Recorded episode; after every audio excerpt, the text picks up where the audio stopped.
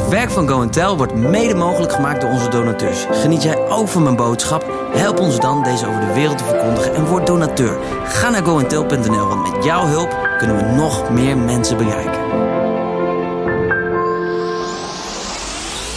Davids nieuwste boek Genade is voor watjes is nu verkrijgbaar. Voor iedereen die het lef heeft om genade recht in de ogen te kijken. Nu te koop voor 9,95. Bestel hem snel op goentel.nl.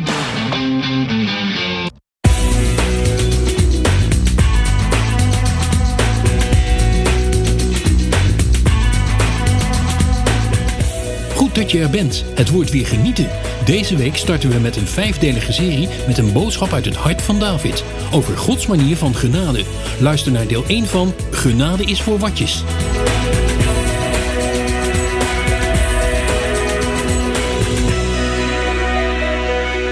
Super dat je er weer bent, dat je kijkt of dat je luistert. Ik vind het geweldig om het woord van God met je te mogen delen. En in deze studie ga ik je meenemen in het thema van mijn nieuwste boek, Genade is voor watjes. En natuurlijk is dat een titel met een beetje een knipoog, want genade is natuurlijk voor ons allemaal. Maar in mijn optiek in eerste instantie wel voor mensen die een beetje zwak waren of nou ja, heel veel gezondigd hadden, waardoor ze extra veel genade nodig hadden. En wat ik eigenlijk niet zo heel goed wist, is dat ik gewoon te hard heel hard voor mezelf was. En daardoor ook hard was voor anderen. En ik wil je meenemen in mijn reis. En ik ga heel eerlijk tegen je zeggen, ik ben geen theoloog. Ik weet niet hoe het allemaal zit. Ik heb niet alle antwoorden, maar ik ga je vertellen wat ik zie. En al die dingen die zet ik op een rijtje en ik neem je mee in die reis. En wellicht dat je daar dingen in herkent. En ik geloof dat ze je zullen bemoedigen en sterken. En uh, ik, ik denk dat het je uiteindelijk op zal tillen. En dat je je echt mag overgeven aan die enorme, liefdevolle, genadige armen van God. Omdat het zo'n verlichting geeft in wie je bent. En dat heeft het ook gedaan voor mij. Ik neem je even mee naar een stoeipartijtje met mijn oudste zoon. Voor een van de allereerste keren.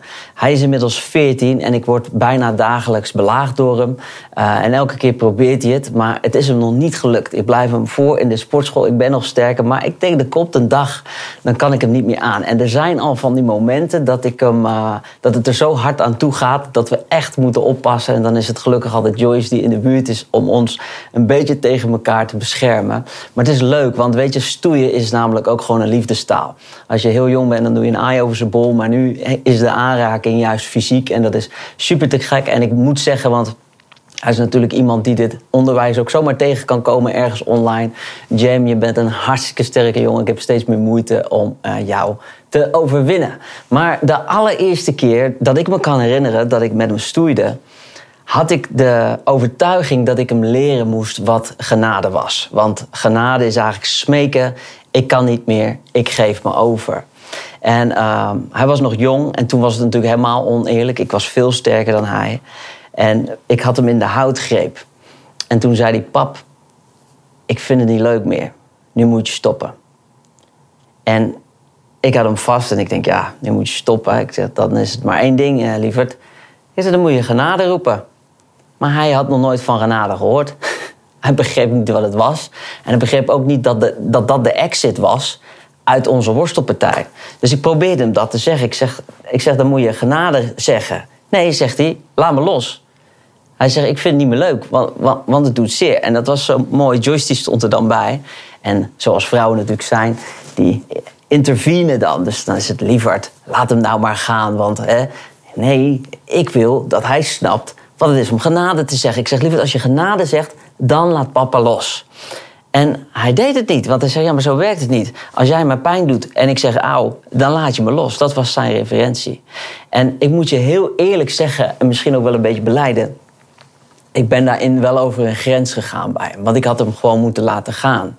Maar ik wilde dat hij genade leerde. Alleen mijn genade was voorwaardelijk. Op het moment dat hij erom vraagt, netjes, dan schenk, het, schenk ik het hem. Als hij het niet vraagt, dan krijgt hij het ook niet.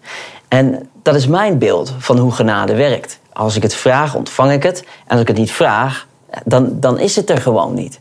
Dus ik hield hem net zo lang vast totdat hij genade zei. Nou, dat ging tot aan de traantjes toe en uiteindelijk heeft hij het geleerd. Dus vandaag de dag, dan ligt hij soms al met zijn armpjes een beetje... genade, genade, genade, pap. En dan, dan weet hij precies, dat is gewoon klaar. En dan zet ik ook niet meer door. En dit is het concept van wat wij denken dat genade is.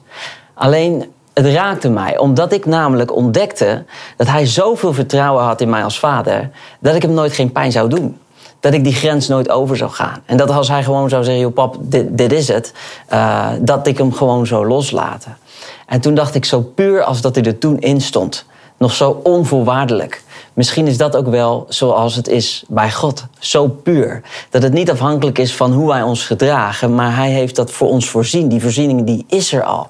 En dan mag het ontvangen. En ik um, ben onder andere geïnspireerd door die gebeurtenis en door de dingen die ik om me heen heb zien gebeuren rondom dit thema. Ik ga je meenemen in mijn verhaal. Al heel lang doen er allerlei eh, verhalen de ronde over Gods oneindige liefde en Gods oneindige genade.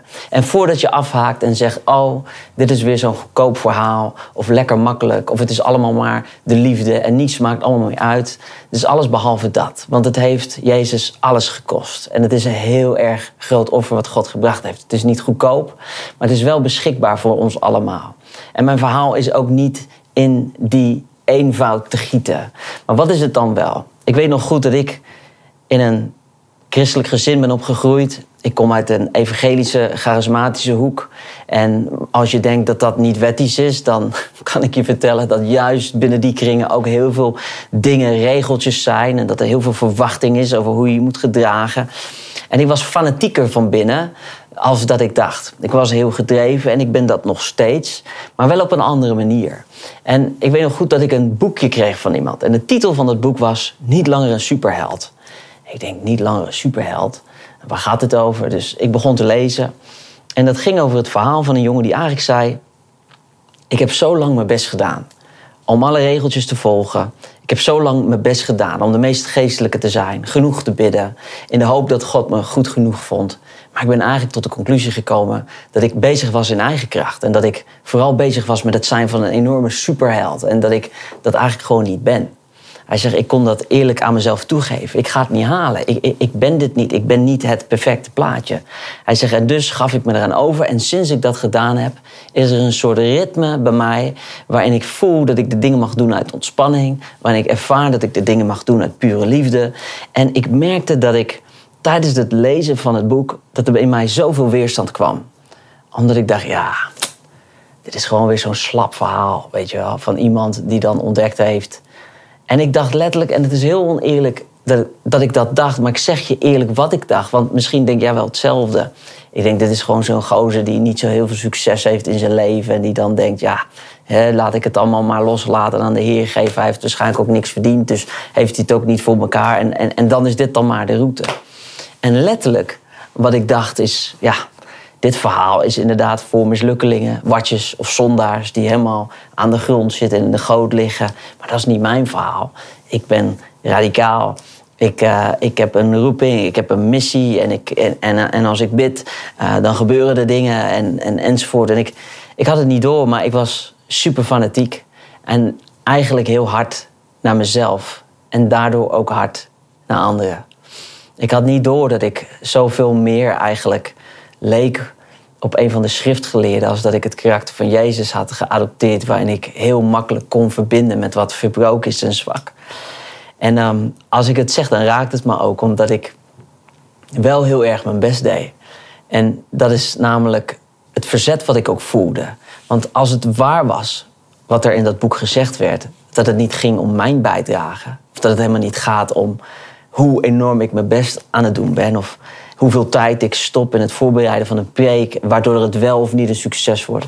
Hoe heilig ik leef, waardoor God wel of niet kan doen wat, wat Hij alleen maar kan doen. En zo leefde ik een beetje in de veronderstelling dat mijn levensstijl een invloed had op alles wat ik deed. En dat is bijna een oorzaak en gevolg. Dus als, het, als ik het goed had gedaan, was de uitkomst goed. Had ik het slecht gedaan, dan was de uitkomst slecht. Maar dat systeem is niet anders dan dat van de wereld. Dat noemen ze in de wereld noemen ze dat karma. Als je goed doet, die je goed ontmoet. En nou, natuurlijk is het zo dat je wetmatigheden hebt. Wat je zaait, dat oogst je. Dus als je hè, appelpitten zaait, krijg je een appelboom. Hè, dat zijn gewoon oorzaak-gevolg. Maar het evangelie van Jezus is een hogere weg. Dat spreekt over onverdiende gunst, onverdiende genade. En de voorbeelden die we daarvan lezen in de Bijbel zijn van extreme. En dan denk ik even aan mijn favoriete Bijbelgedeelte van Barabbas. Die als moordenaar letterlijk door Jezus uh, wordt vervangen in zijn straf. En dan kun je zeggen, ja, maar hij was een moordenaar en dat ben ik niet. Maar God spreekt in extreme omdat wij allemaal daar ergens tussen passen. En als de extremen het mogen ontvangen, dan mogen wij het helemaal. En het verzet wat ik voelde, was voor mij een signaal dat ik dacht, als ik me er zo tegen verzet, misschien verzet ik me dan wel tegen iets wat zo waar is. Want ergens van binnen snakte ik wel naar die ontspanning, naar die rust, dat ik wist, hey, eh, God's got this. Weet je, dit is zijn verantwoordelijkheid. Vanavond, als ik op het, evangelie, eh, op het plein het evangelie preek en ik bid dat God mensen aanraakt, is het niet afhankelijk van hoeveel David de Vos gebeden heeft. Maar is het afhankelijk van dat Jezus de prijs betaald heeft aan het kruis voor al die lieve mensen. En wat een voorrecht dat ik daartussen mag staan en mag vertellen hoe het is. Maar het heeft niets te maken met of ik wel of niet uh, mijn best goed genoeg gedaan heb. En daaraan toegeven is een van de moeilijkste dingen geweest in mijn leven. Eerlijk zijn en inzien dat ik misschien ook wel een heleboel voor niks heb gedaan.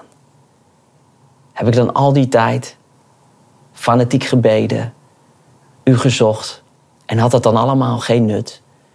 Uh, jawel, daar ga ik straks ook wel iets over zeggen. Niets is voor niks, hè. God doet alle dingen medewerken ten goede voor degenen die hem lief hebben. Maar er is misschien wel een hogere weg. En er is een last die van je af kan vallen als je echt beseft dat het werk door Jezus gedaan is. En dat je mag rusten in de wetenschap dat Hij daar klaar mee is. Dat Hij uh, uh, niet nu nog iets hoeft te doen waardoor uh, we gaan zien wat we zo graag willen zien. Of aan de andere kant, sterker nog, dat jij vooral niet degene bent waar het van afhankelijk is. Ik hoor sommige mensen zeggen: als wij niet dit, dan kan God niet dat. Ja, God heeft ervoor gekozen om door mensen heen te werken. En hij heeft zich afhankelijk opgesteld om door mensen heen zijn koninkrijk zichtbaar te maken. Dus een heleboel heeft te maken met onze keuzes. Maar hij is niet afhankelijk van ons. Hij is God. Vergeet dat niet en hij is groot. En hij maakt zijn keuzes en zijn beslissingen. Weet je, de weerstand in mij was zo groot dat ik echt gewoon dat boek over de camping wilde smijten. Ik wilde het niet weten. En ik heb voor heel lang ook mijn hoofd wel een beetje in het zand gestoken. En als ik dan hoorde over uh, onderwijs rondom genade, dacht ik, oh, daar, daar heb je dat verhaal weer, dat, dat hypergenade. En dat is allemaal maar zo makkelijk. En ik, van binnen was ik vooral bezig met, als je maar radicaal genoeg bent. En mensen die dat zeggen, die, die snappen het niet, want het gaat ook om onze bijdrage. Het gaat ook om wat we willen doen. Alleen ik had niet door dat die intrinsiek heel anders gemotiveerd is. Als je werkelijk beseft dat God je geen schuld aanpraat. En dat God um, het mooie in jou naar voren wil halen, dan, dan is er in jou nul verlangen om de boel te verprutsen, maar alleen maar om Hem te volgen. Dat is de volgorde. Maar om daar te komen, is het zo belangrijk dat je durft toe te geven aan de pijn. Dat er misschien ook wel een heleboel streven in je zit. Waarbij je iets probeert bij te dragen, waardoor je in een goed daglicht komt bij God. Dat is mijn eerlijke verhaal. Ik dacht diep van binnen toch wel stiekem dat ik het wel goed deed. En dat ik misschien wat radicaler was. En dat ik misschien een schouderklopje verdiend had. En daar, daardoor ook kon staan waar ik sta. Maar vandaag de dag heb ik dat allemaal losgelaten. Het maakt me niet meer uit. Ik weet dat ik in genade geroepen ben. En, en de roeping is ook een verantwoordelijkheid. Je weet nooit waar je ja tegen zegt totdat je er middenin zit. Maar ik, ik kijk er heel anders naar. Het is niet afhankelijk van mij of het wel of niet gaat lukken. Ik doe mijn best. Maar ik weet dat God het in zijn hand heeft. En dat ik hem volgen mag. En dan denk ik aan de woorden van de Heer Jezus. Die zei, mijn juk is licht en mijn last is niet zwaar. Maar mijn juk en mijn last waren wel zwaar. Maar was dat zijn juk dan? Was dat mijn last? En ik denk het laatste. Ik had mezelf een last opgelegd die heel heftig was. Weet je, als je opgroeit binnen de kerkelijke context. En dit kan ook heel anders zijn als je net Jezus hebt leren kennen. Want dat is namelijk het geheim. Ehm, als je vanuit de wereld tot bekering bent gekomen en je ontdekt heel veel mooie dingen, dan, dan ziet het allemaal fantastisch uit. Maar als je een kerkelijke achtergrond hebt, en of dat nu uit de traditionele kerk is of de evangelische hoek, dan groei je op met een bepaald plaatje. Een perfect plaatje van hoe je eigenlijk als christen zou moeten zijn. Alleen ehm, niemand kan dat volhouden. Alleen dat is wel vaak het enige verhaal wat we horen vanaf het podium. Je moet je zo gedragen, je moet in overwinning leven. Dat is belangrijk. We vertellen vooral onze overwinningen. En op het moment dat we ehm, dat plaatje niet kunnen volhouden, wat we allemaal niet kunnen in essentie, dan zijn we geneigd om te vluchten van binnen. Omdat we zeggen: hé, hey, ik voldoe niet. Nou ja, dit werkt niet. En eigenlijk het patroon wat ik zie gebeuren, is dat er heel veel mensen massaal en ook vooral ook jongeren de kerk verlaten. Omdat ze zeggen, ja, maar ik, ik, ik, krijg, ik krijg mezelf niet in dat plaatje. En de uitdaging is om niet in het plaatje te willen passen. Maar de vrijheid te vinden van binnenuit, omdat je weet dat God al wist dat je dat niet kon. Een hele gekke uitspraak misschien, maar ben jij in zonde geboren? En de mensen die de Bijbel kennen, die zullen zeggen, ja, ik ben in zonde geboren. En dan zeg ik wel eens, ja, wat kun je er dan aan doen dat je een zondaar bent? Niks. Dat, dat zit in je, in je zondige natuur. Moet het dan zo blijven? Nee, want je wordt wedergeboren. Maar betekent dat dan dat altijd alles goed gaat? Nee, want de praktijk die we zien is dat we daarmee te maken hebben en dat dat lastig is. Wat voor mij een echte wake-up call was, was dat ik jongens om me heen zag bewegen die God totaal niet kennen, die helemaal niet worstelen met schuldgevoelens, met zelftwijfel. Die leefden gewoon hun leven, lekker vrij. En dan zou je kunnen denken, ja, maar dat is nepvrijheid of dat is onverantwoordelijk.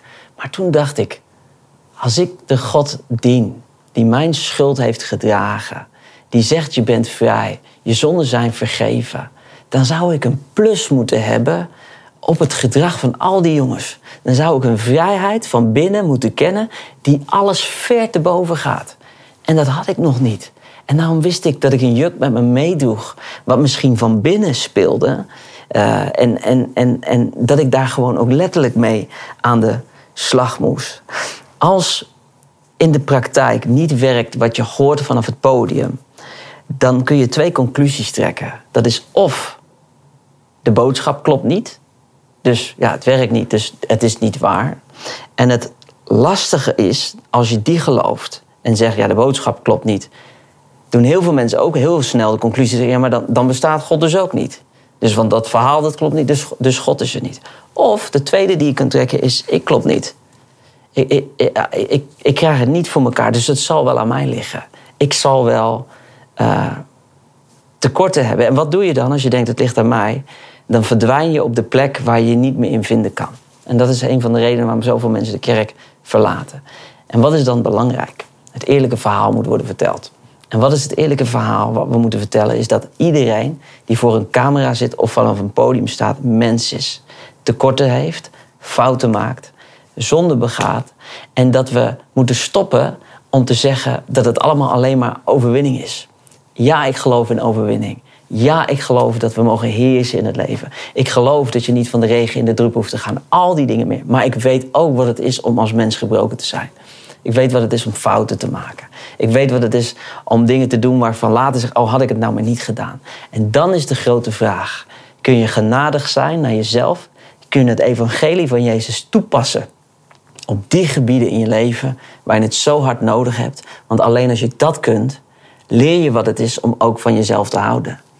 Jezus zei, heb God lief boven alles en je naaste als jezelf. Maar als je jezelf niet lief hebt, is het heel moeilijk om je naaste lief te hebben. En dus, zo hard als dat je bent naar jezelf, zul je zijn naar anderen.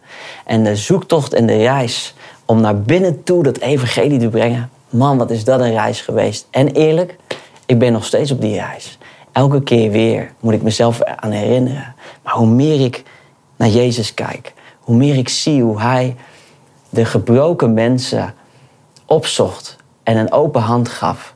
En hoe meer ik zie dat hij eigenlijk de mensen die dachten dat ze het voor elkaar hadden, dat zie je, de fariseeën schriftgeleerden, hij de lat oneindig hoog legde. Gewoon oneerlijk hoog. Dat ik dacht, heer, dat ik zo hard. Die gasten die deden zo hun best en u legde de lat nog hoger. En hier zijn de zondaars en u zegt, joh, ik hou van je, ik ben er voor je, ik veroordeel je niet. Ik, wat, wat, wat is dat toch? En pas toen snapte ik het. Jezus had ook een open hand naar de fariseeërs en de schriftgeleerden. Alleen hij wilde dat ze zagen dat ze aan het einde van hun eigen Latijn zijn. Dus als hij zei, joh, uh, hun zeiden we gedragen ons goed, we, we, we plegen geen overspel. Dan zei Jezus, oh ja, als je in je gedachten overspel hebt gepleegd, dan klopt het ook al niet. Hup, lat omhoog. En wat voor gevoel geeft het? Ik schiet tekort. Ik heb genade nodig. Want die overspelige vrouw die daar op de grond lag, die wist al wel dat ze de regels had overtreden. En haar enige optie was nog de genade van God. En het mooie is dat het waar is voor beide.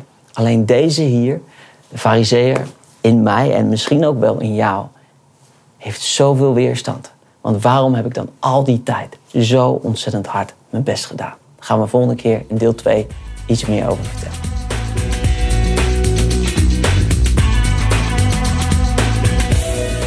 Dat was hem alweer. We hopen dat je hebt genoten en zien uit naar je reactie op info.goentel.nl.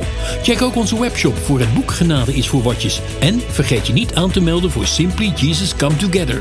Alle info op onze site en in de app.